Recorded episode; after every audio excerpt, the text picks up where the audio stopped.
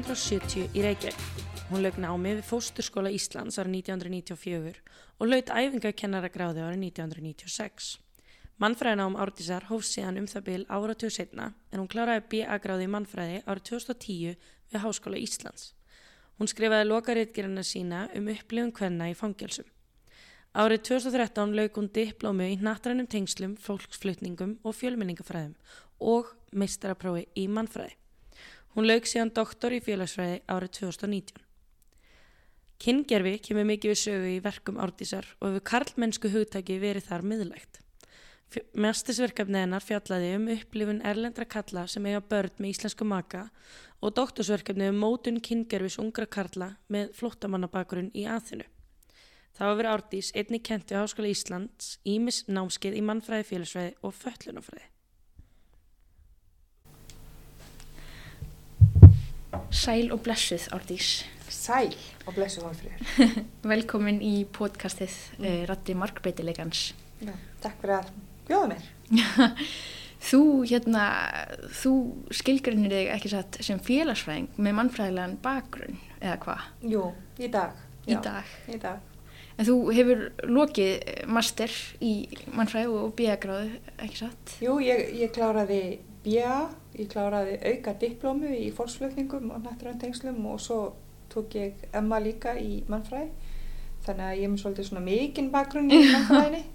Eh, en farið mér svo eins var yfir í félagsfræðina því ég gerði doktorinn að því að hérna ég var fyrir að skoða karlmennsku og mér langaði að gera það svolítið gaggrínt mm -hmm. uh, og hérna skoða, fá betri einsinn inn í kenningar sem að hafa verið í gangi varandi uh, karlmennsku og þá var eiginlega breytt sérfræðingur í háskólanum uh, þegar ég byrjaði á þessu sem var Ingólfur mm -hmm. Vaff Gíslason. Og hérna sem sagt var þannig að vera leiknandi mín þannig að þess vegna fór ég svona yfir í félagsfræðina. Síðan þá er náttúrulega búin að kynast fullt öðrum félagsfræðingum og, og ég hef alltaf erfitt með að skilgreina mig annað meðli uh, En hvað litið þið samt svona upphaflega í mannfræðina? Þegar þú byrjar já. ekki satt, þú ert hérna tekur bachelorgráðuna hvað ég segja, þú ert ekki þú tekur hana kannski seint ef maður mætti svo mm -hmm. orðið komast mm -hmm.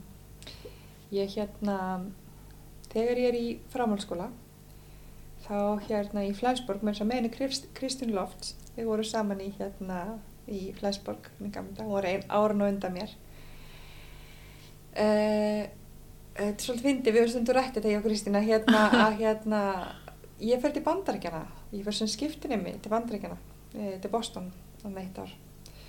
Og það er akkurat þá sem að kemur inn einhver sem er að kynna mannfræðina sem verður til þess að Kristín fer áfram í mannfræðina.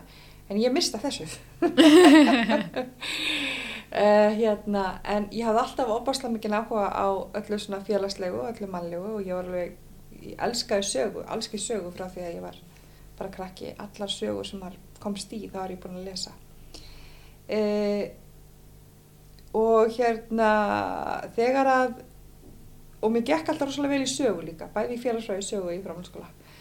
Síðan voru bara mjög mikil erfileikar í fjölskyldurum minni, mm voru mikil veikindi í fóröldurum mínum sem var svona urður svolítið til þess að hérna ég hætti, ég kláraði ekki Flensburg. Ég er ekki stúdent, sem sagt. En þú ert doktor? Já, ég er doktor. ég get mér að svona neila skondir saga að segja frá því að hérna, sem ég sagði stundum myndi ég varði doktorinn Ég var reygin um Hlæsborg. Nei. Ég var reygin. Uh, eh, hérna, þess að segja, bara á þeim tíma þá uh, voru ekki náms- og starfsafgjafar. Það var ekki, það var lítið hugsað út í því félagslega sem var í, í umhverfi nefnda sem að geti hjálpað með steðu og hérna mamma mín var að fara gegnum alveg krabbamennsveikindi og, og, og, og það var í, og ymslegt annað sem var í gangi líka sem að gerða bara verkum að hérna Ég náði ekki að stunda skólan eins og ég hefði viljað. Ég flutti mér sem ég unga heimann og hérna, e, svo hérna komst, komst það upp að ég hafði falsað fjárveru skýrtinni. Nei. Jú. Það gerist ekki mikið alvarlegra.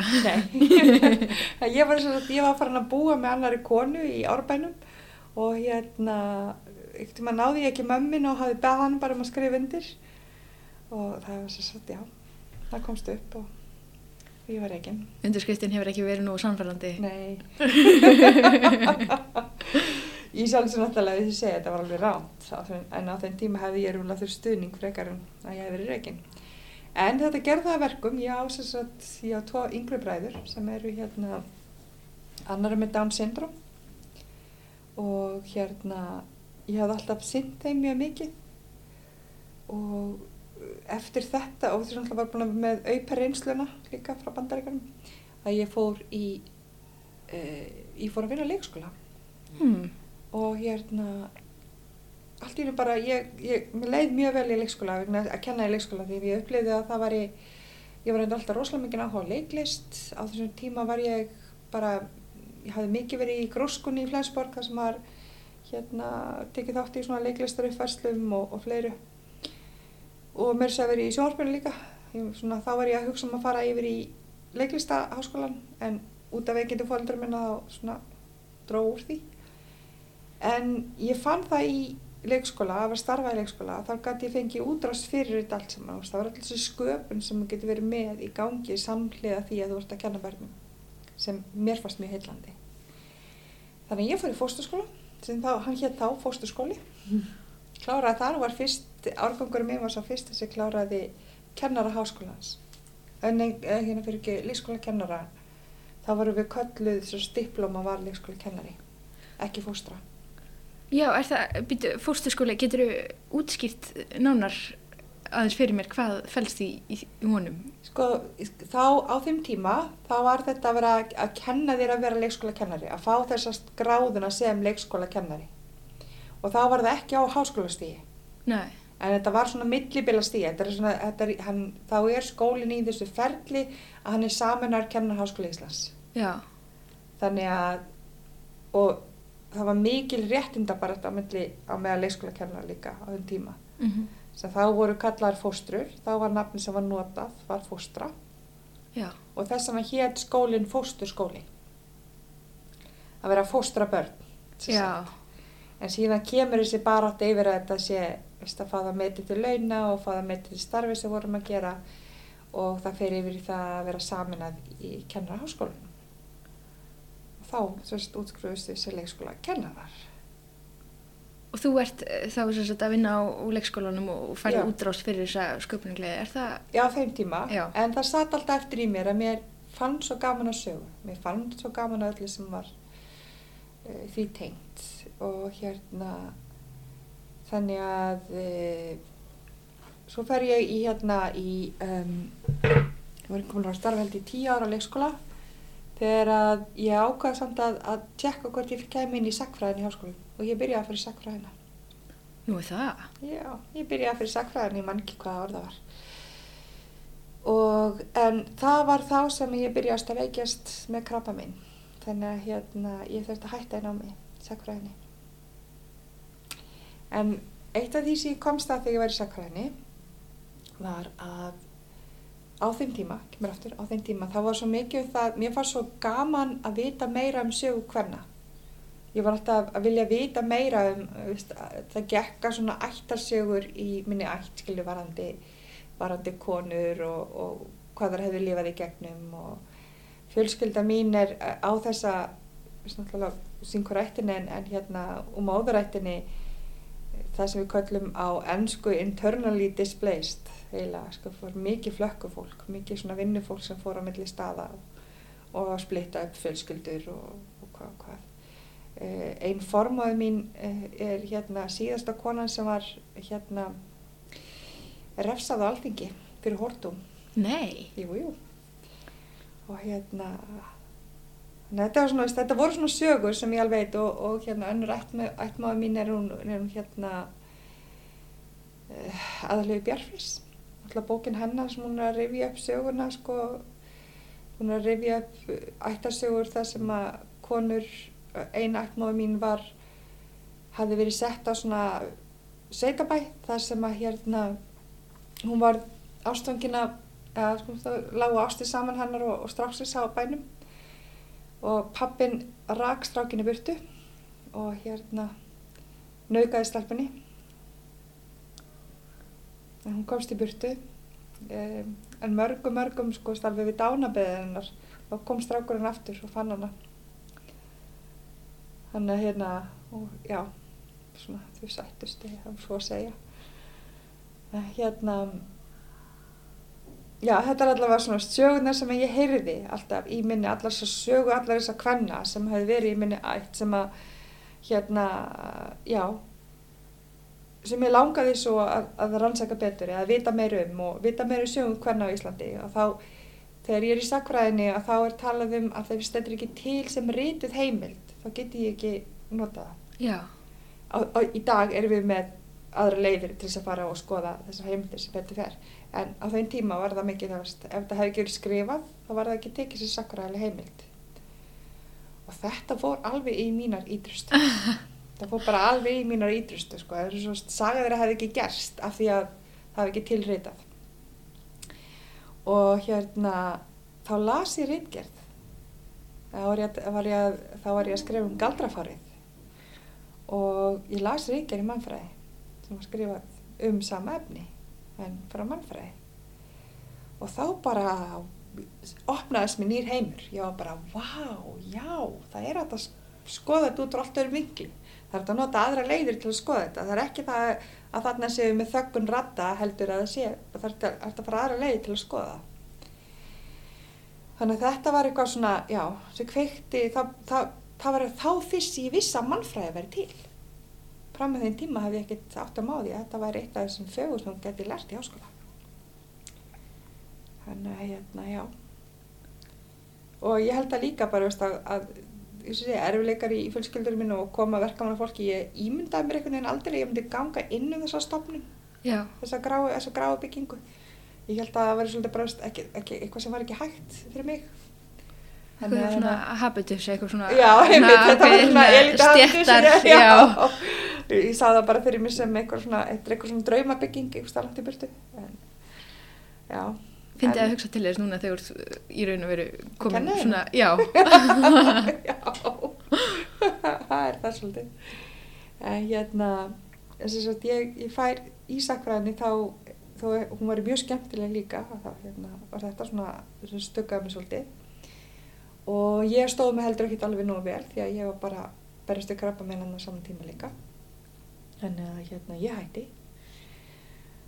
Svo liðu, ég fyrir að starfa sem leikskólakennari, ég pröfa allt sem er til í leikskólakennari. Ég er leikskólastjóri, ég er sko sérkennari og ég var hluta því að endurskipulegja hérna, hérna, hvað heitir þetta í dag? Vellina, veist það sem að herrvellurum var. Ég var þar að endurskipulegja leikskólan. Uh, ég, ég sé einhvern veginn, ég hafði bara einhvern veginn gert svo mikið og svo kom inn og ég var farin líka að vera að þjálfa nýja kennara svo kemur inn námskeið sem er alveg frábært námskeið alveg æðislegt námskeið um hláturjóka hvernig getur þetta hláturjóka fyrir krakka? Og þetta var bara alveg þetta var æðislegt námskeið. En þegar það var búið þá átti ég með því að það var ekkert í þessu námskeið sem var nýtt fyrir mér. Og það var svona eiginlega svona loka punkturinn að ég ták þá ákvörðuna fyrir aftur í háskóla. Að ég var svona alveg bara, þá var ég aðeins fann að ná mér að grafa minnu. Og finna það að ég vildi gera meira. Kvik, kvikna það þessi áhuga að gera meira. Uh, og ok, komin á þennan aldur hvað ég, 38 aðna ást tíma? Úst, það var alltaf svolítið seint. Ég að alveg strákið mig líka hann var hann að, hvað var hann gammal ég byrjaði 14 ára eitthvað alga uh, það var þetta, sko hugsa bara það, nú ætlum ég að leifa öðrum sem að eru inn í, eru að koma nýjir inn í leikskólan og það er svo opaslega spennand og gaman að læra það. Nú ætlum ég bara að leifa þeim að taka við. það sem að hafa svona opaslega gaman og áhuga á því að hérna, það var samt erfitt, það var alveg erfitt að ég við gefði þann vettvang, þetta er mjög væntum að. Uh, en um leið að ég bara stegi hérna inn, inn í mannfræðina, þá fannst mér ég að upplifa eins og margir æri, bara já, hérna ég að því að maður hefur þennan æðislega vettvang að geta skoða svo marga hluti allt sem er mannlegt, sem er einhvern veginn samblanda af sálfræði, félagsfræði og, og hérna, og jafnvel líffræðilegum hluti líka sko. mm -hmm. þannig að það var eiginlega það sem að ég bara upplýði mig neins strax hér á heima Mm -hmm. einn tíma Kristján sem kennara og, já, Kristján var fyrsti kennara minn og Helga líka hún var í miklu uppáldið á mér. Hún rýtstyrið mér, nei hún hérna sérst leiðbildið mér í BR-verkunum Helga, Helga, Helga Björs Helga Björns, já, akkurat. Helga Þóri Björsdóttir sem ég er einlagur aðdándi Mér er líka áhugavert þegar þú ert að segja mér þetta, sko, þessa sögu þína, því að Mm. þegar þú ert að, ég er að rifja upp bara það sem ég er búin að lesa fyrir viðtalið, sko, hvernig svona endurspeglast alveg í eiginlega því sem þú hefur skrifað, bara eins og Mhm. þessi áhugi sérstaklega á konum og bara Mhm. kannski útgýrir svolítið líka varlega á bíaritgerna því ég man, ég las hérna titilinu og hugsaði, vá, þetta er áhugavert bíaritgerð. Já, þegar ég var leikskóla kennari í hérna, ég, ég byrjaði mitt reykjar, bíareikjana minn á því. Þegar ég var leikskóla kennari að e, þá voru umsjáminni börn og, og hérna e, og móður þeirra satt í fangilsi fyrir að hafa fram með morð. Mm Og máli var að þetta var stelpa sem ég þekkti mjög vel í æsku. -hmm. Og mér var mjög umhugað um þetta og hérna hvernig var talað um hana og hvernig svona akkur brást lauruglangi fyrir við? Að hérna þegar hún hafi kallað eftir hjálp lauruglu áður en það gerðist. Og hún svona jaðarsettum fólki í, í því samfélagi sem ég bjó í og hérna sem gerði einhvern veginn að verkum að, að lauruglan trúðin ekki. Eða það virkaði þannig að lauruglan ekki trúið henni.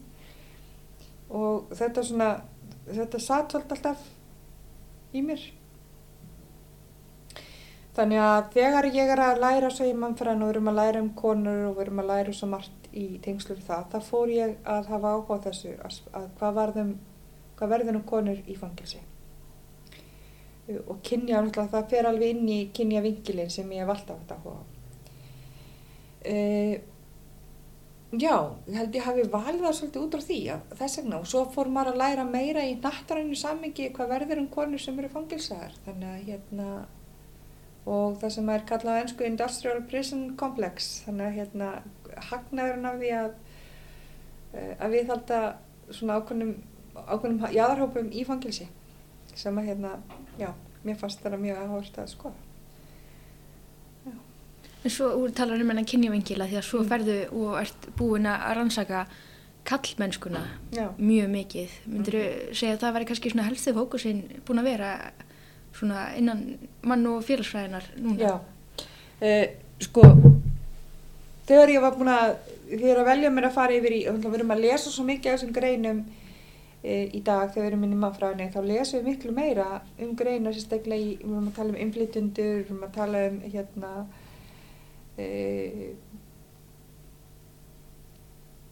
já, bara fólk sem er í fólksflötningum almennt. uh, á Íslandi þá lesum við miklu meira um, um konur sem eru stimplintendur eða rannsóknir sem hafa verið gerðar af því að það hefur vantað Mm -hmm. af því að áður fyrir þegar var hérna þegar fólksflötningarna voru það var svo mikið skoða bara svona yfir höfuð karla en samt var ekki verið að skoða kynkarla ja, hvernig þið mótuðist út frá hvernig kyngerfið þeirra mótuðast út frá flutningum en, en það var samt einhvern veginn yfirfært. Þannig að það vantaði þetta að vantaði að skoða konur. Og það var gert mjög mikið. Þannig að á, það hefur mjög margir bara frábæri fræðum hérna í Íslandi sem hafa gert það.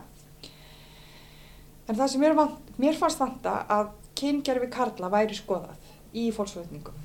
Akkur, hvað gerist að meðal kalla og það var að rítgerðin sem ég var að lesa var að tala um erlenda konur sem hefur gift íslensku köllum Mhm. og svo framvegis og þá fór ég alltaf bara að hugsa svona í kringum og ég þekkti bara óbáslega mikið af konum stelpum konum sem áttu eða höfðu átt erlenda maka Karl maka og hérna átt börniðin þannig að ég fór alltaf í hennu svona velta býtu en akkur er, akkur er þetta ekki skoða Já. og það var svona byrjunin á því að ég fór að skoða karlmennskuna þannig að ég ætlaði að frúti að Nei. það var veginn þannig.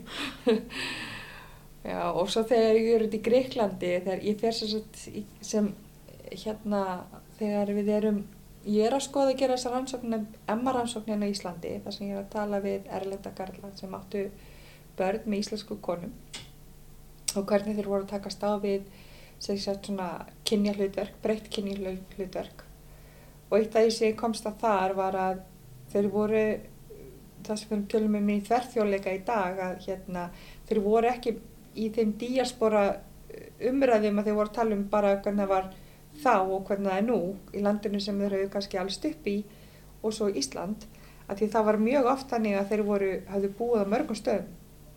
Þannig að þeir báru kynjarluturkinn saman oft við marga hluti sem þeir höfðu upplifað. Þannig að það var eitthvað sem mér fannst mjög áhugavert var að pælja að fylgja eftir. E, annars kom hann það líka í masterreiknum sem að hálfskondi að þeir, það, það er þessi sögursagnir sem ganga. Hvað sögursagnir eru að ganga og, og sögursagnir, veist, varandi svona hjá erlendu kvörli sem komar til Íslands þá er það mjög algengt þeir sögðu mig frá þessu hvernig eh, þegar það kemur nýr inn á eh, og það er nokkur sem hittust alltaf til að spila hérna rugby. Já. Já, og aðri sem að svo hittast sem eru á barnum og aðri sem eru hittast í, í íslensku kjærslunni og einmitt svona dæmi úr, úr íslensku kjærslunni að þá þegar nýr gaur kemur inn að þá er svona so, so why did you come to Iceland? Well, there was this girl. Og þá sprakkum við alltaf bekkurinn. Þetta var svona saga sem þeir, þeir þekktu mjög vel.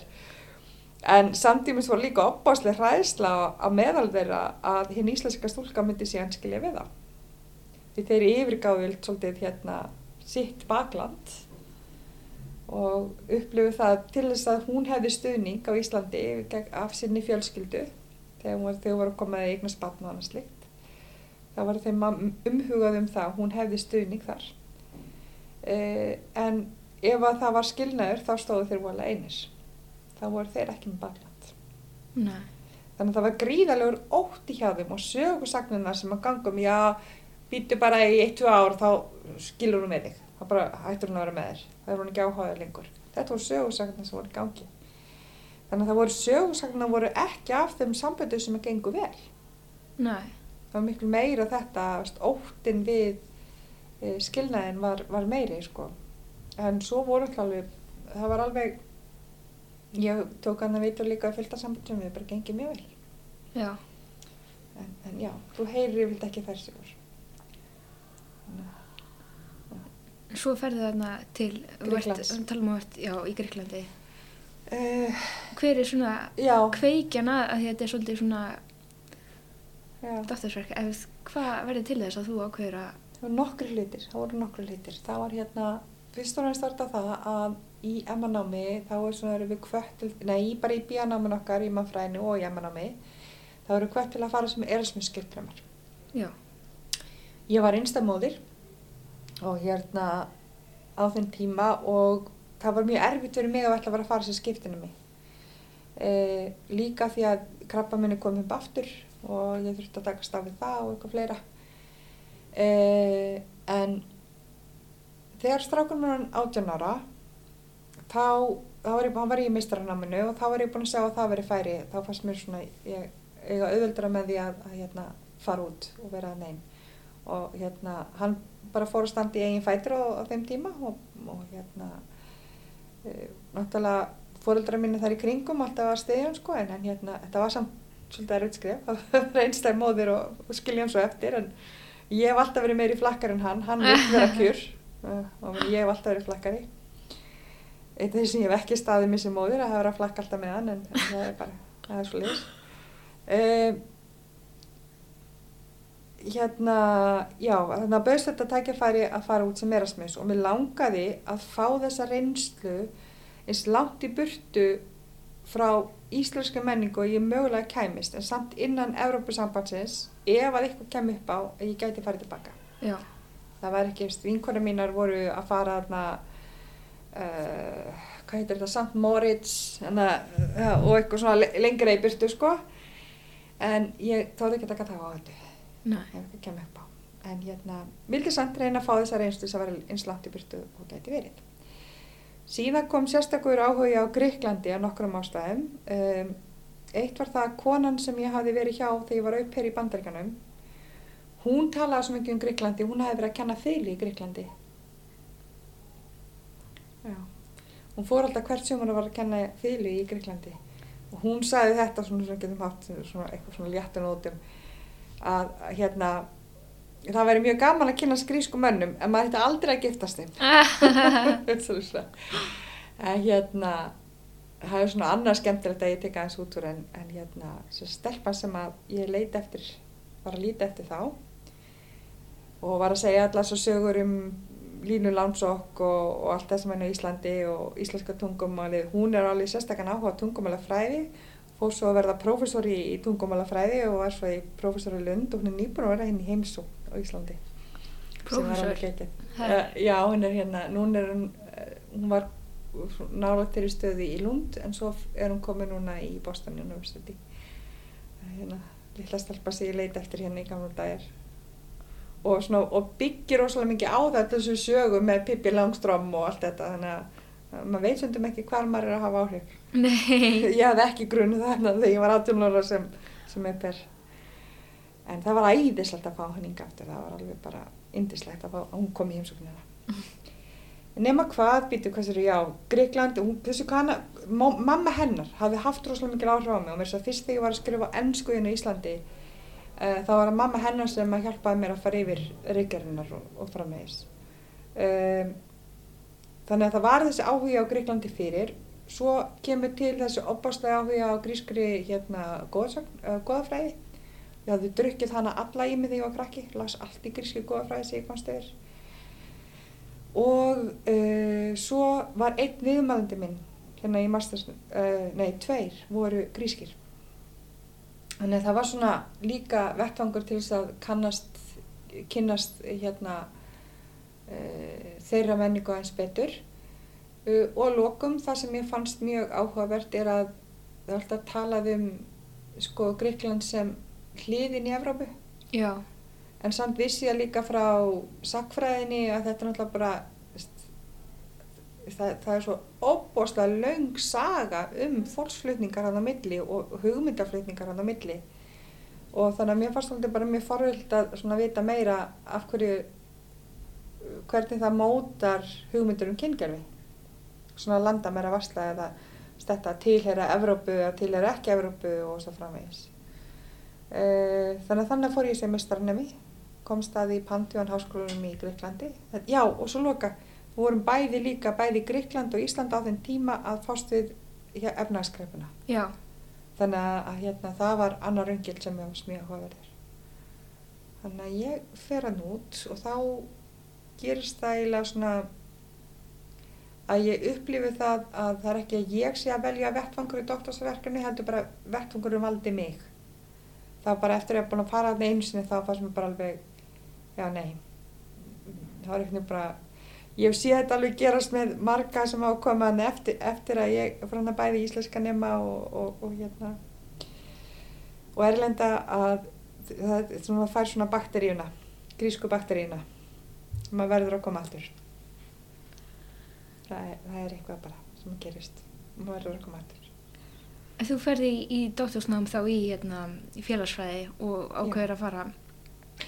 Ég kláraði, sko ég var hann í Greiklandi í ykkara mánuði og hérna, ég var hann í fjóra mánuði e, og á þessum tíma er arabiska vori líka í gangi. Og hérna allar svo upprýstin sem voru við arabiska vori og hérna stúdendarnir eða við sem vorum hann alþjóðleir hérna, nefnendur að við vorum að gista þarna á hóteli sem að var e, já, kannski ekki það besta. En það var alveg svona í hverfinu, mjög nálega í hverfi sem er talað um sem svona, svona, svona slamkverfi já.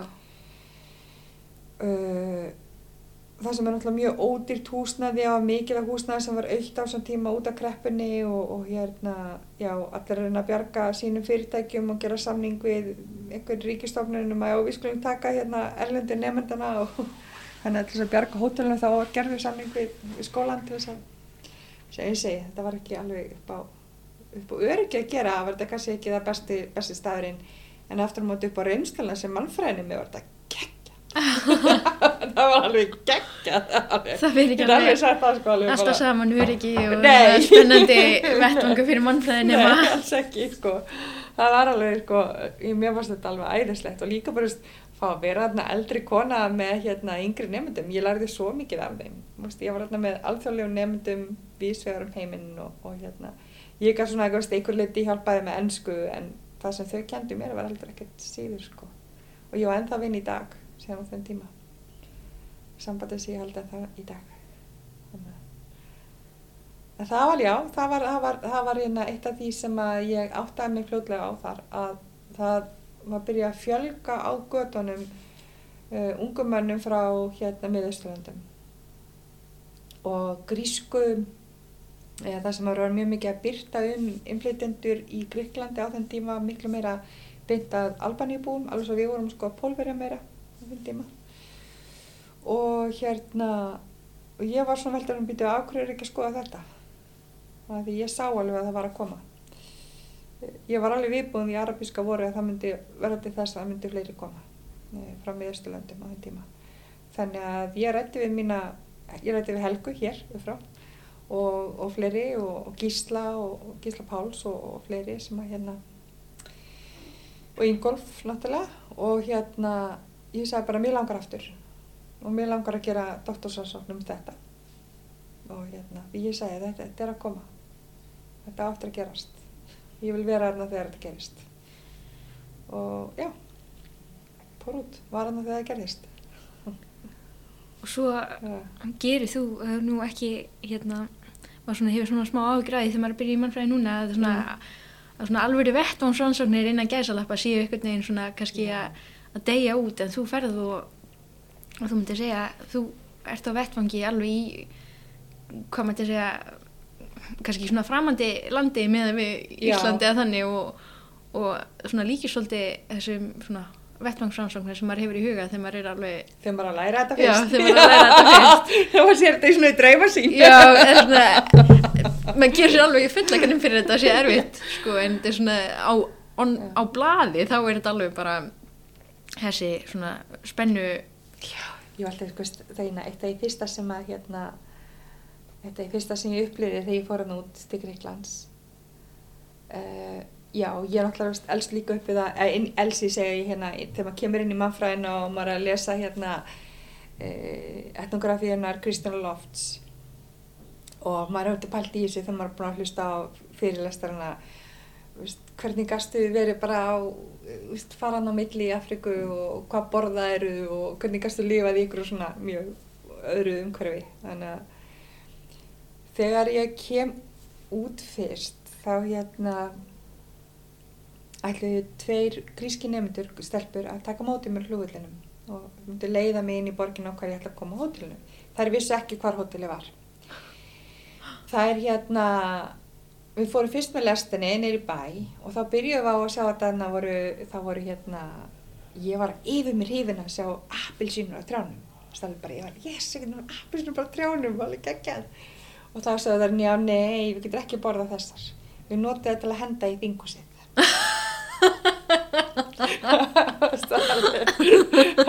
og ég var um þetta þá var ég, ég var mikið að hugsa bara já, á þeim tíma voru við að henda skýr í þingusið sko, þetta er svipun tíma eh, svo komist það að því að þið voru komið nýra á, á aðaltorki sem er Sintagma í Gríklandi að það var aðeins lengra í burtu sem við þurftum að fara til að fara á hótelið Þannig að við þurftum aftur að fara í lest, uh, hérna neðri af lestina og þá vorum við að fara fram hjá stoppustöðu sem heitir Ammonia.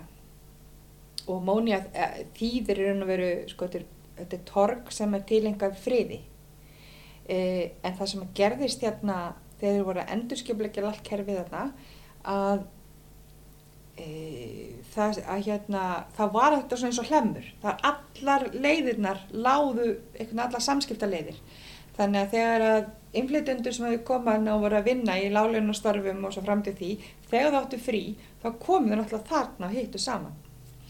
Og það verður ímsar aðri hluti líka sem gerða verkum hann að lækkar húsverðu og, og þetta verður svona þetta verður slammið sem kallað er ef ég fæ að sletta hérna einsku eða hérna já og það, þegar hann keira hann undir þetta, þetta, þessa stöð þá segja þær við mig aldrei fara út þarna. Bara veist það er stórhættilegt og ég er búin að heyra þetta marg oft eftir að marga oftar eftir að hérna, ég er búin að ferðast gegnum marga fljóvilli og ég er að heyra svona gríska sem er svona kannski að millistjætt segja við ferðtúrista, er já þannig að stór hættulegt að fara þannig e, og svo keirum við aðeins áfram í, hérna í lestinni, fyrir mig upp.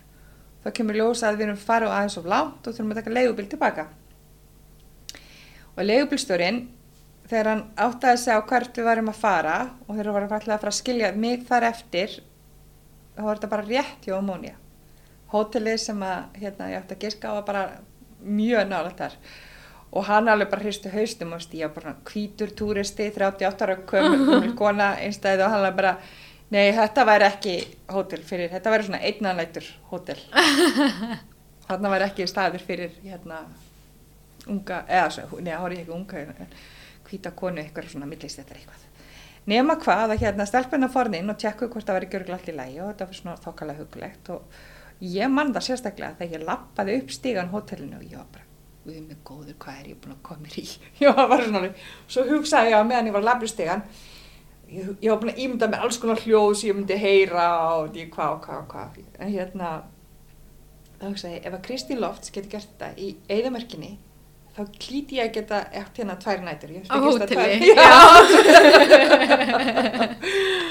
og hérna en reyndi var svo að þetta var fínasta hótel. Það var ekkert af þessu hótel það, svo tveimur dögur setna fór ég á hótel sem var eða skoðast það sem að skiptinemina voru það var aðeins ofar það var ekki snáld þessu ammonia og það hótel var miklu verið ég gæti aldrei læst herbygginu mínu.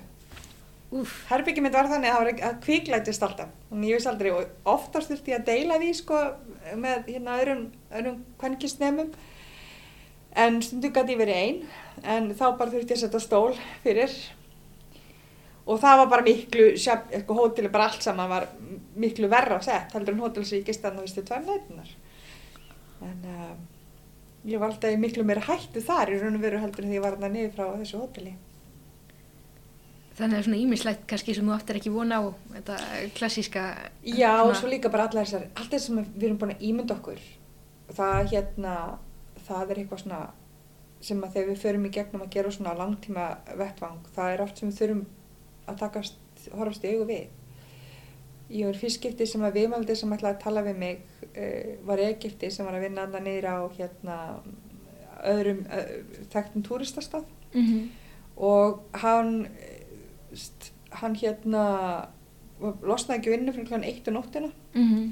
og þetta var svo mjög þekktur túristastæður sko, það var mjög mikið af fólki þar e, þannig að hann spurði mig hvort ég vildi bara ekki koma og þá er ég líka mjög óreind og maður svona pröfa sér áfram með vitul, ég ætla bara að taka vitul hér en, mm -hmm. en ekki þarna og, og svona vissi ekki alveg hverju myndi vilja tala við mig og svo það veist þannig að ég sagði bara ok, ég, ég slæði á það ég, eru að pröfa og hérna ég e, manða samt alveg fór í gegnum kollin á mér þegar ég var að fara frá hótelinu mínu sem var líka, var ákveðin hætta líka fyrir mig að vera að fara á hótelinu þá. Ég var alveg, varð alveg fyrir því að ég var eld og kallaði eftir mér og eitthvað svona frá meðis e, en það sem að fór í gegnum kollin á mér var allan tíma ég hvið mig góður hvað ég var að gera að fara að hitta eitthvað ókunnuðan karl e, hérna klukkan eitt og nótt og hérna ég var bara nei þetta gerði ekki, ég á ekki að gera þetta. Og ég ímyndaði mér alveg kollinum að mér að það myndi búta mig niður og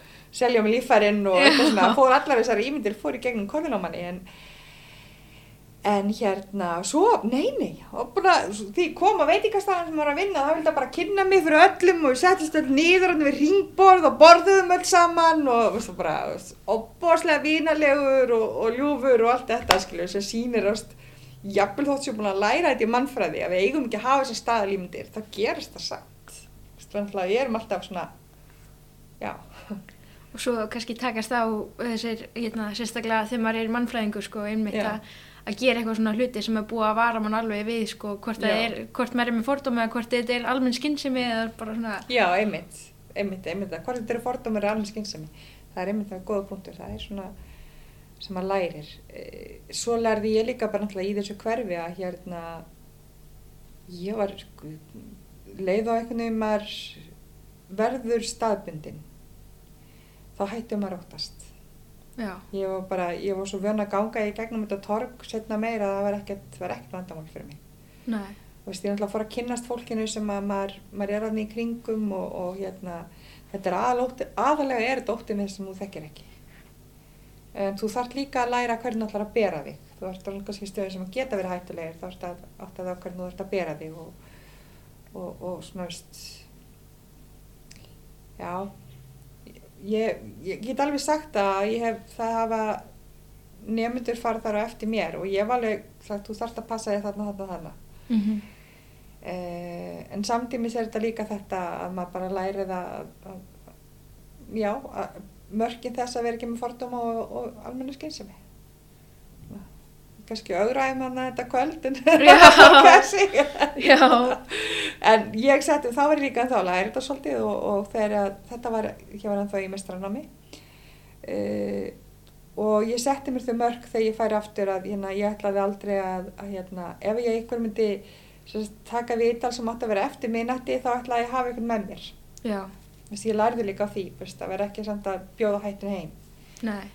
og hérna já já, það var ég þurfti alveg að afneitt, að segja ég get ekki tekið þetta viðtal því það var bara hægt á þessum tíma og það var bara, nei Þannig, En þú ert já, og mm. rannsóknin er hérna á maður svona, þetta sko, þú kemur inn mm. um, kvítkona eins og mm þú segir og ert að gera rannsókn á um, sagt, kallmönnum mm -hmm. frá um, miðausturlundum ekki satt eða svona fló, uh, flóta fólk að farand fólk, hvort er í... Þetta er alltaf opasla flóki og sérstaklega í Greiklandi uh, hérna ég, sérst, ég tók viðtal við Karla sem voru sem voru tókuð þátt í þessari samstöður reyfingum -hmm. sem voru þá að berjast fyrir því réttin til þess að geta vera hreifanlegir um, og í Gríklandi það var þetta þannig að fólk að kannski komi þetta, þetta, gengur í bylg uh, uh, ég var að kynast strákum sem hefur komið sem frá Afganistan sem mjög ungi strákar mm -hmm. og þeir fá þessi kalla var Roskarta svona það er svona það er svona leifi sem að veitir réttindi til þess að vinna uh, og lega hús en þú getur ekki hérna þú far ekki flóttamanna réttindi Nei. Þannig að þetta voru svona eitthvað svona limbo ástandi. Og þú gáttu verið í þessi limbo ástandi í 20 ár. Það er slagt á tími. Það er slagt á tími. Þannig að talaru um ungarstrák sem eru að koma frá Afganistan sem flóttamann mm -hmm eh, eða innflytjanda þessu tíma. Já. og aðrir hérna sagt, eh, að því þá komur svo að tala um hennan hala sem var í kerfinu svo margar umsóknir sem var ekki búið að meta og, og fram til því.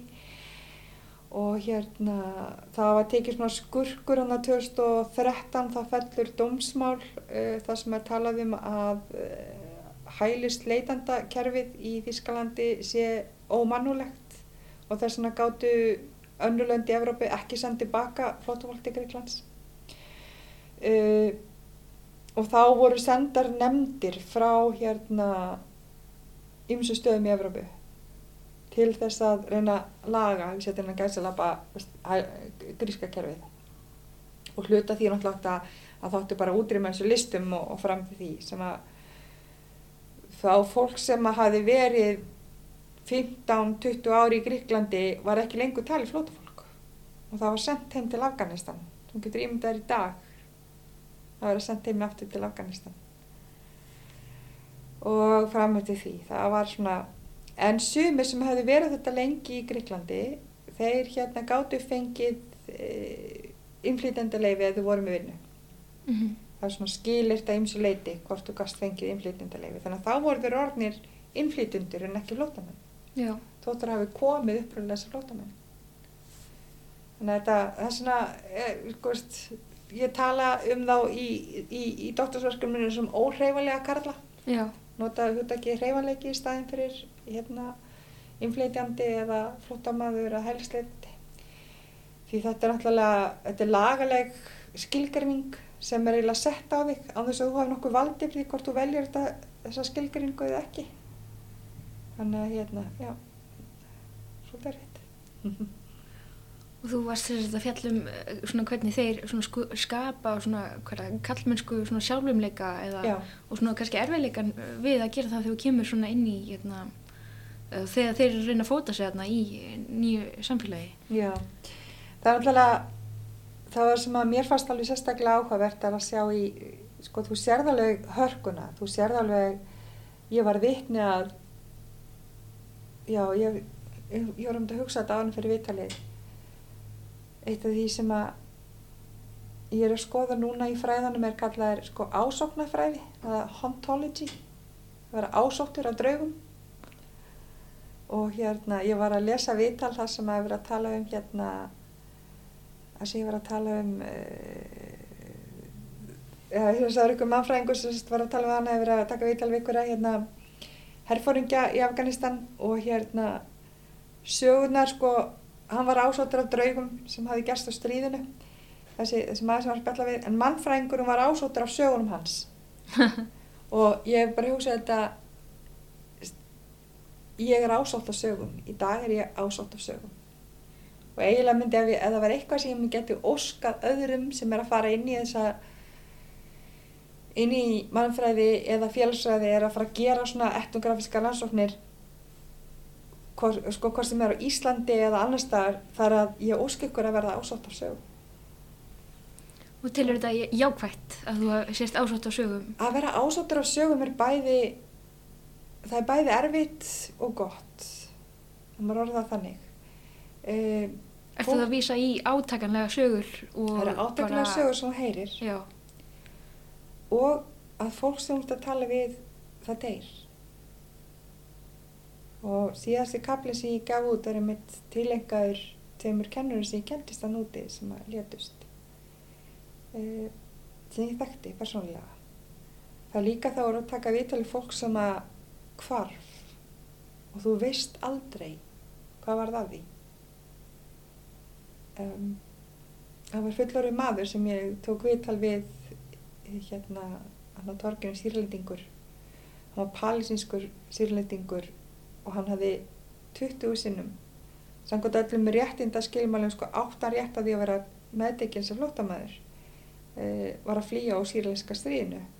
En út af reglugerðum sem að segja að þú þarfst að leita þér hælis í fyrsta landi sem þú kemur í þá átt hann að vera fastur í Greiklandi uh, konana sem var hafi komist í Þýskalands og hann var alltaf reyna að komast yfir til hennars 20 sunnum reyndi hann að fara yfir landamærin Gríkland og Makedóni og var alltaf sendið tilbaka. Og í síðasta skipti þá hvarf hann. Við vitum ekki hvað var að hann og það eru svona svona sögur sem eru erfiðar. Þær eru erfiðar. Eh, en þær gerast heldur ekki bara í svona, það sem að hugsa sem er að fara eitthvað svona látt í byrtu og maður kynnist einhverjum. Því að ég var líka svo eftir að ég gerði nýdoktorinn þá var ég að gera rannsókn hérna á meðal fólk sem er með hérna vitrannar uh, þróskaskerðingar og tók þar viðtal við alveg indislega konu alveg, alveg magnaða konu og var svona aðeins í samskipti við hana líka sko, ekki bara það var að taka viðtal, við vorum svolítið í samskiptum. Hún vissi að ég hafði verið að fást í graffa minn þannig að hún hafði svolítið meira aftur samband við mig þar að hún greinist með graffa minn. Og hún lést fyrir um ár síðan nei, það var tvö ár síðan. Það er svo liðlegt í ártalum það er stutt sem hún lést. Þetta er, veist, þetta er, veist, þetta er hluti af því þegar við gefum okkur inn í heimallega að sorgin fylgir því. Mhm. uh, en samtímis þá er ég óbóðslega þakklátt fyrir að hafa kynstis fólki. Mhm. að hafa fengið að heyra alla þessar sögur og, og þetta er bara veist, að auka líf hvers annars með því að deila sögum. Allar sögurnar sem ég heyrði um mína formaður til dæmis sem alltaf hefði áhrif á mig. Þannig að að vera ásátt á sögum já, ég held að hljóta auka líf þitt þrátt fyrir að þessi stundum erfitt. Já, ég held að Það hljómar allavega eins og þú lýsir í það hljómar þetta svona Já. mjög gefandi en, en jáfnframt svona getur maður ímyndað sér að þetta getur verið stundum svona að maður komi heim og leggast á kottan eftir að teki viðtal við já, einhvern að það getur verið erfitt að, að sopna já.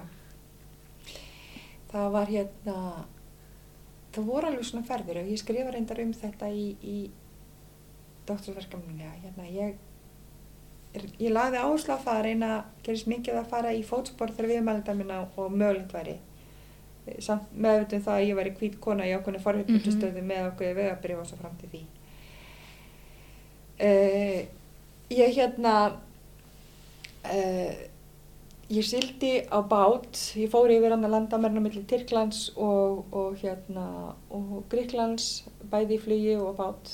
Og hérna flög svo líka og ég gerði það sama. Við fóru oft frá Gríklandi bænum Patras yfir til hérna Ítalju þar sem þeir hljópa undir í trukkana sigla með trukknum uh, hérna í skipinu. Og það tekur, uh, það tekur um sólring að sigla í þessu skipi. Uh, ég er alveg upp í, Vestmannu þar sem ég sildi alltaf reglulega með herjálfi og hérna í gamla dag þannig að þannig sé að fannst mér ekki mikið mál að sigla með þessu. En tveimur dögum eftir að ég sigla með þessu skipi þá sekkur það. Að hérna að milli. Og það var mikið mál að vera um albaninu komu og hérna björguðu fullt af fólki sem að þetta er rétt hjá albaníu og hérna þá erum við mikil umræðu sko þeirra hérna úr herleginu komu og voru að björga þeim sko eða En það var ekki vita hvað sem margir hefur dáið vegna þess að þeir geti ekki talið alla sem voru undir bílunum. Ekki vita hverju fjallan hún í sjóin. Þannig að það er svona, þetta er eitt af því sem sló mig mjög mikið.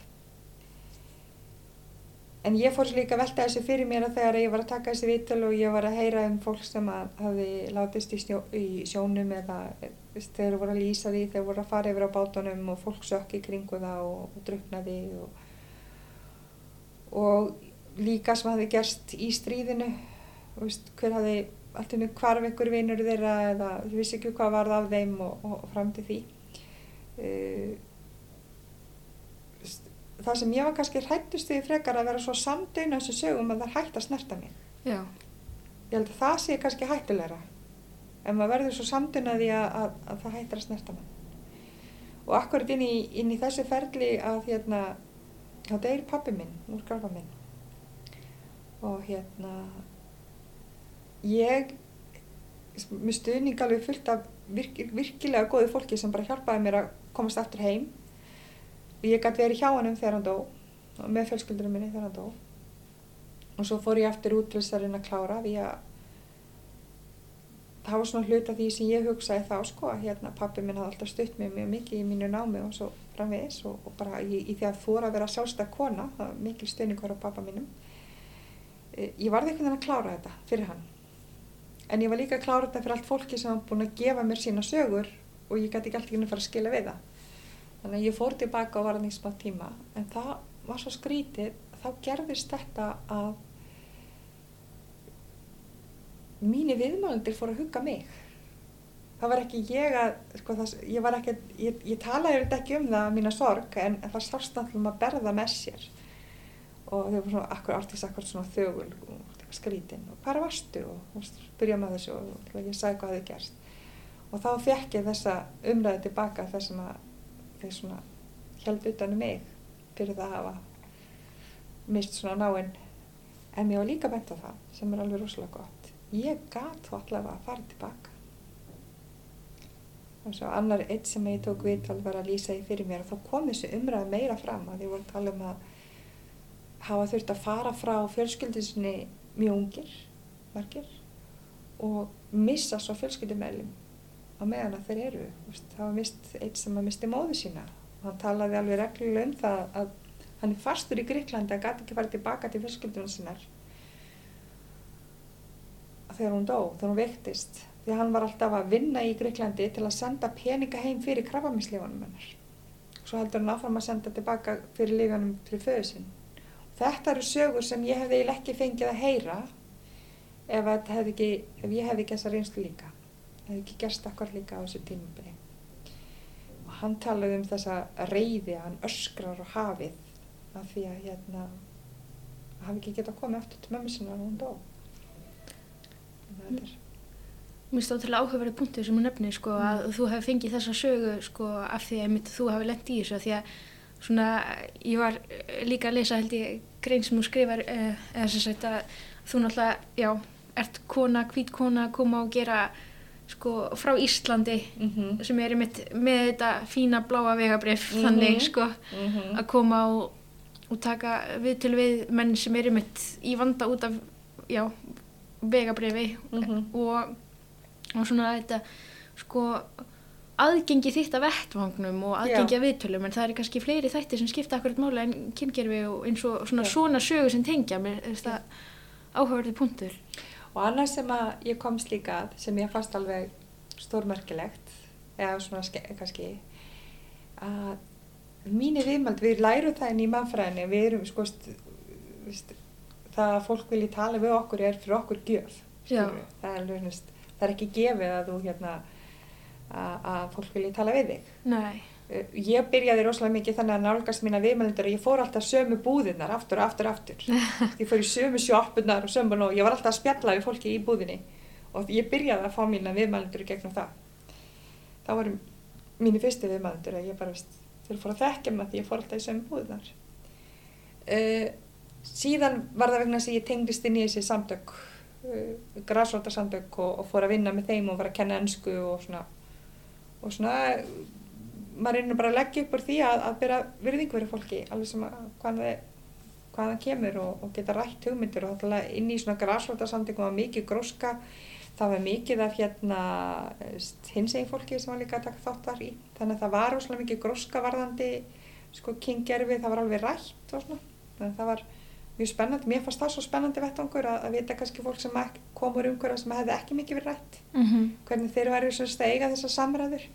að því ég sá líka að inn í þessu vettvangi feng, þá var þeir ekki það var ekki svona rasist við þeim. Þeir fengu bara að vera þeir sjálfur og hérna þá sá ég bara svona einhvern veginn svona samblöndu fara að gerast. Ég sá alveg að ég, sá þá slaka á í líkamannum sínum. Þegar þeir uppgötuðu það þau væru örgir hann inni það myndi enginn fara að ráðast á þá eða berja þá eða framlið því. Það var svona rosalega mikil hérna svona uppbylgja nínasisma í Gríklanda á þessum tíma. Þannig að ég, segi, ég var vitna því að að, að menn stukku út um bílónum sínum og fóru að berja litan mann. Alveg bara stukku bara út og fóru að berja. Hann ég var alveg vitna svona hlutum. Ég var vitna alls konar ofbeldi. Þannig að hérna, þá bara sem betur verið í, þe- í þessu tilviki þá, þá komu aðri gríkir að og stoppuðu þá sko. Já, en já, það var rosalega ofbeldi í gangi. Þannig að hérna þannig upplýðu sér svona sem öryggir.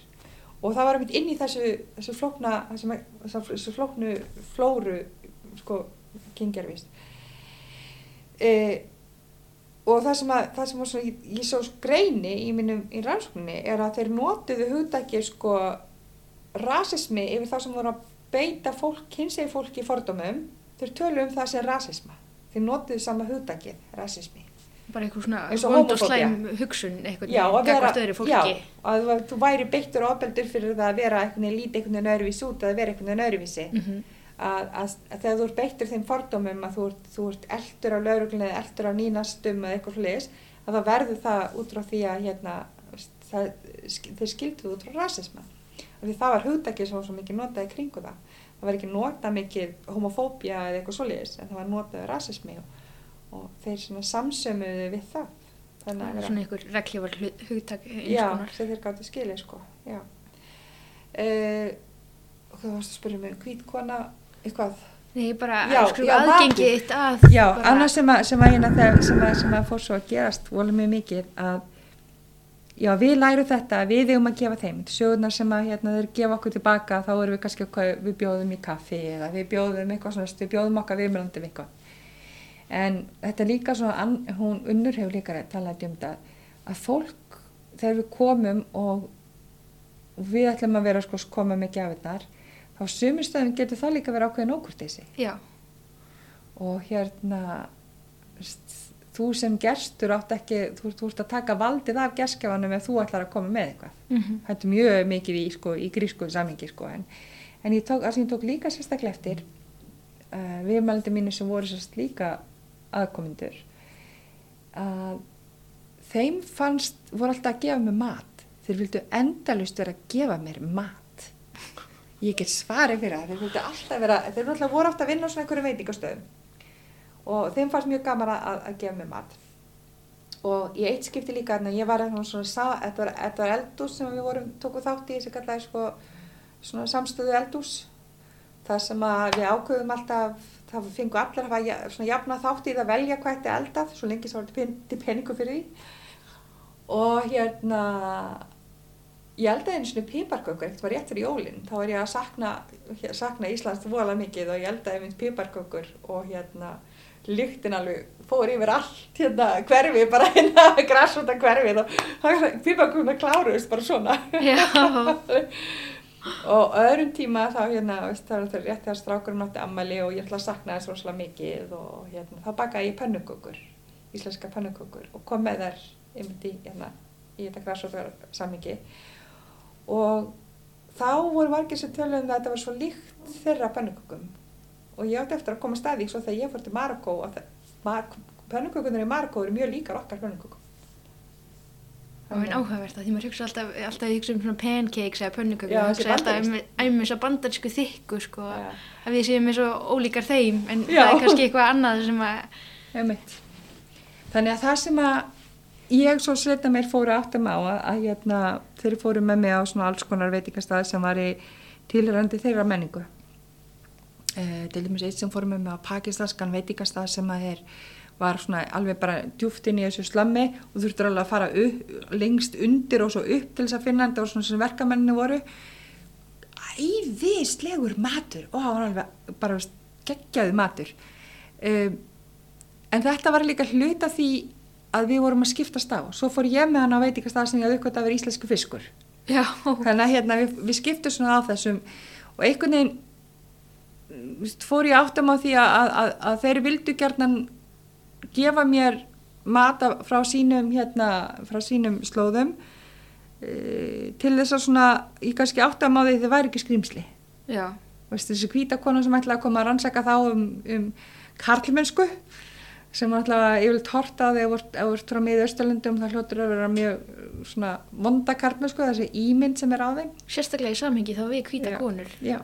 Þannig að hérna þetta var þeirra leið til þess að reyna að byrja að sína mér að þeir væri ekkit alvondir en hérna og margir þeirra sögist maður, maður ég næst mjög góða vini þannig í kringum þetta og viðst þetta skiptast á að, að, að, að skiptast á ma mat er alveg gríðalega mikilvægt fyrir mannfræðinga að kunna deila því En þegar mm. þú ferði út, varstu þú búin að móta alveg rannsóknarspurninguna eða er þetta eitthvað sem að eða svona, varst með eitthvað hugmynd kannski? Já, já það er líka sem að maður lærir náttúrulega að þegar þú ferð þú ert að gera umsóknum það að fara mm -hmm. í, sem doktor. Uh, komast í doktorsnám þá þarf það að vera búin að móta rannsóknarspurninguna. Þannig að bara líka þú lærir þetta þegar maður er að gera meistaraverkefni þá lærir við strax að því að, að móta rannsóknarspurninguna. Þannig að ég var með ákveðna rannsóknarspurningu þar sem mér fannst sérstaklega áhugavert því ég byrjaði að fara nút þar hvort að væri öðruvísi og hvort þið mótuðu karlmennsku sína öðruvísi sem voru inn í hérna e, þessum græsvartarsamtökum á mótið þá sem þurft að lifa göttinni Já. Að því það er ákveð öryggi sem þú, þeir upplýðið í græsvartarhefingunni e, út á göttinni varði ég vittna á öðru ofbeldi sko sem var stundum melli Bangladesa og Pakistana þar sem að ég var vittnaði að e, maður var barinn í tætlur af öðrum þjóðabróttinu með rörum. Mm og mhm. þegar lauruglan kom þá handa okkur manni sem var barinn. Þannig að ég svona, það voru svona hlutir sem að ég var alveg vittna af sem voru óhugnulegir eh, en svo þegar inn í græsvartarsamtökunum þá var ég vel vörð við það að, að, að karlar á sama þjóð sem áður hefði verið að barast eh, sko, þjóðabróttunum og, og þessum hugmyndum að vera að berjast út á götunni eða voru að hjálpa hverjum öðrum að læra ennsku deila bókum og deila þessu og voru bara mjög vinalið við einhvern annan. Þannig að þetta alltaf sko ruggaði við mínum svona þjómundum og þess að við læru líka oft sko, þessi, að það sé alltaf að sé verið að berjast að myndi þjóðabróta þá sem maður, maður átti sá því hversu mikið því félagslega umhverfi hefur um það að segja. Og þetta var svona grunn spurningi mín því ég fór út með Líka með kannski bara hvað þetta er í raun uh, flókið og að, að draga ekki álegtanir út frá ykkur svona Já. stökum at, atbyrðum þannig að maður fyrir svona og það sem ég kom stað náttúrulega margir þeirra sem að sko, voru svo taka þátt í svona græsrótasamtökum þeir höfðu náttúrulega verið að berjast að máti alls konar óriðlæti áður fyrir sko. Já, uh, viðst, þú gastur í jaðarsettur í Sýrlandi út af ýmsum ástæðum út af öðru, að tilhera öðrum þjóðabrótum að tilhera öðru þjóðarstjætt eða annað slíkt. E, mentun líka í, í hérna, það eru búin að vera ýmsa breytingar á, á kyngerfi líka í miðausturlöndunum og sérstaklega í, í kringum mentastoflanir og hérna þannig að og mér senn í Afganistan þótt að við séum að heyra núna um fréttinnar sem eru skuggalegar. E, þá voru þar líka búin að vera sko þjóðabrott, Hazara þjóðabrotið e, inn í Afganistan. Höfðu lengi búin að berjast fyrir réttundu hvenna til þess að geta að fara í skóla. Sem að verður svo, svo eru sko að því þeir höfðu tilert sko, samsama sig við kommunistæðin áður fyrr. Þegar að bandaríski herin kemur fyrstinn þá er ákveðin hlut af þeim sem þarf að flýja. E, flýr til Íran. Í Íran eru þeir átt í flottamannabúðum sem eru, eða Pakistan það er, alveg þessi tvörlönd þannig að þar voru sem sér lístu því að að mæður þeirra og systur urðu fyrir mjög mikillega svona kynferðislega áreitni. Og sumir af mínu uh, viðmælendum sem hefðu hérna bæði frá Sýrlandi og líka frá hérna uh, Sab-Saharan hefðu upplifað það að mæður þeirra hefðu verið neittar í hjónaband uh, eða þar hefðu verið beittar ábeldi í hjónabandinu af föðunum. Og það var þegar komin þessi anstaða við svona ábeldisfulla kartmennsku og þeir vildi ekki samsama sig við það. Það var bara alveg þegar fyrir að þeir vildu berjast fyrir réttindum annara, ekki bara síns eigins hóps, heldur líka jafnvel, jafnvel hins eigin fólks. Það var líka komið áður, það var búið að heyrast um þetta í háskólanum sem þeir voru í ef þeir hafðu getið gengið í háskóla. Ekki Afganistar, þeir voru jöld þeir sem voru tilurðu Hazara-ættinni og þeir bara mjög slemt aðgengið að mentun. En þá kom þetta kannski meira bara með því að vera að vinna með öðru fólki sem hafi, vist, sem öðru í aðsættu fólki að þessar hugmyndir eru komið fram og gerast líka á leiðinni sjálfri. Þetta er ekki bara vist, í háskóla umhverfinni uh, það sem er komað frá sem var kannski meira í miðaustöfundanum en þeir sem voru að koma, sem Hassaran hafði oftur að, að vinna með fólki sem að hérna var líka í aðsett eða flýja með fólki sem er líka í aðsett á öðrum fórsöndum og það gerða svolítið verkefni þeir samsöðu sig við það áður en þeir komi í græsvöldarhefinguna í Gríklandi og svo náttúrulega er græsvöldarhefingin þá kom aftur þessu umræði í græsvöldarhefinginni og, og meira öryggi til þess að geta rætta en það voru svona margið þættir sem að geta haft þessi áhrif að þú uh, það er ekki fyrirfram, fyrirfram mótaðar hugmyndir um, um hérna uh, hvað heitir þetta eftir honor heiður. Já, heiður, heiður menninguna.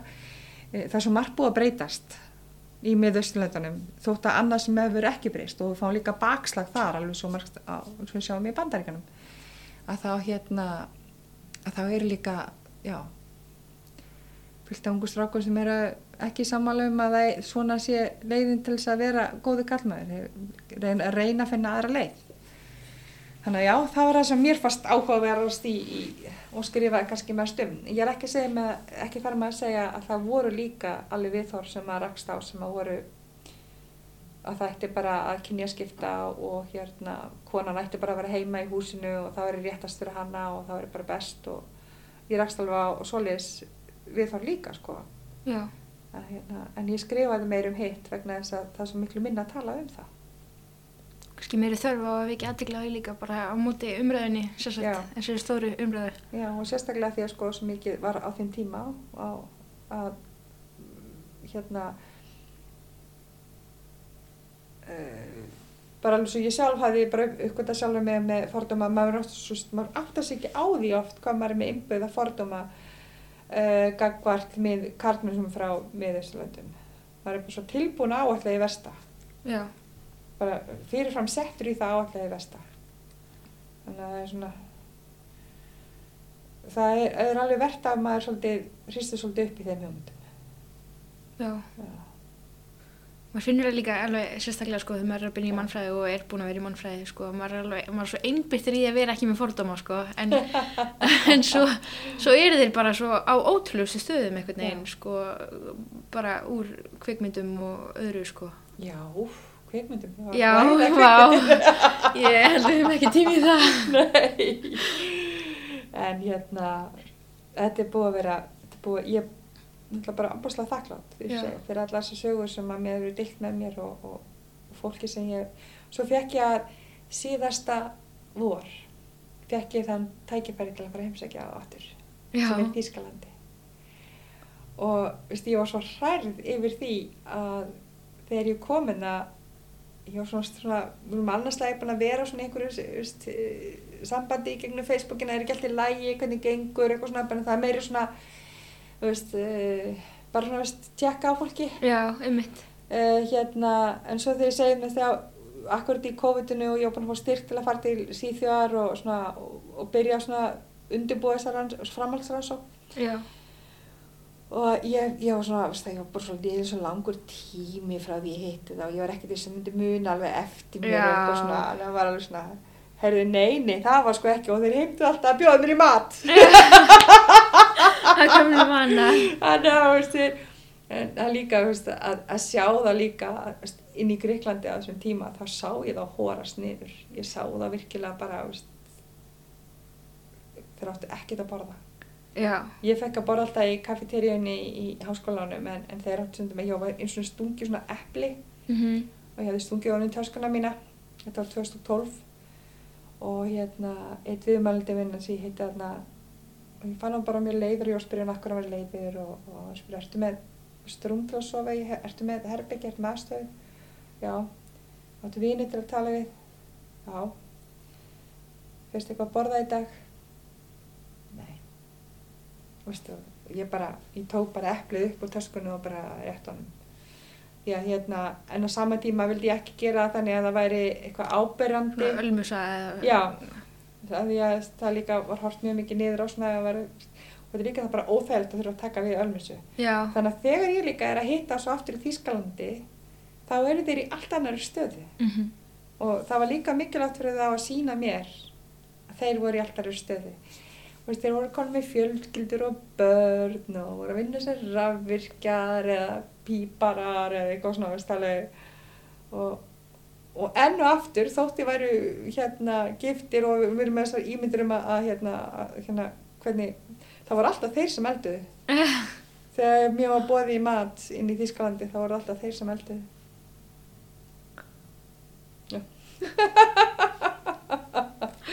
Þannig að hérna, það var alveg, það var eindislegt að sjá það aftur og sjá það sko uh, að hrausta, ekki svona alveg hóraða niður og, Mhm. hérna, og bara komin í svona nokkuð góð mál. Ég er ekki að segja að COVID alltaf kom líka, þetta er akkurat í svona enda COVID, svona versta COVID.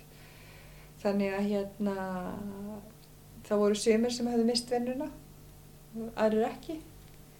Þannig að það var ákveðin ótti við það.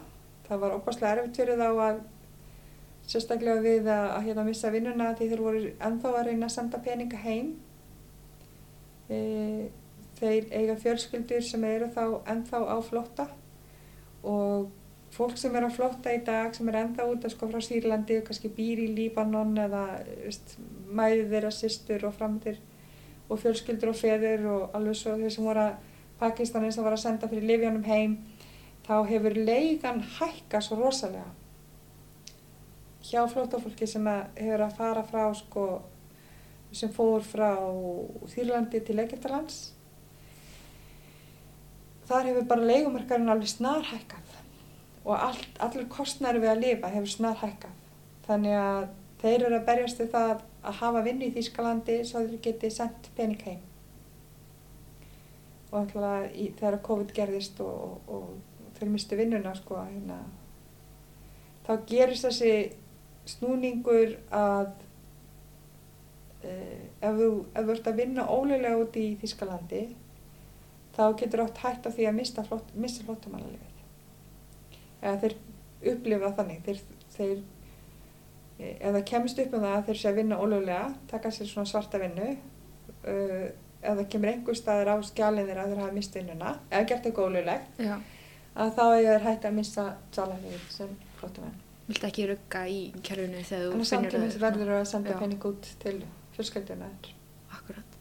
Þannig að sem eru voru að vinna sem pítsisendlar eða eitthvað svona, en það var ofta á svartu sko og svo líka það að þið voru einhver sem var að vinna við öryggiskeslu og var að taka, tók auka vaktir sem að voru álitnar borga, átt vera að borga svart uh, af því það eru svona reglugerðir sem að gera verkum að þeir megi ekki vinna lengur Já.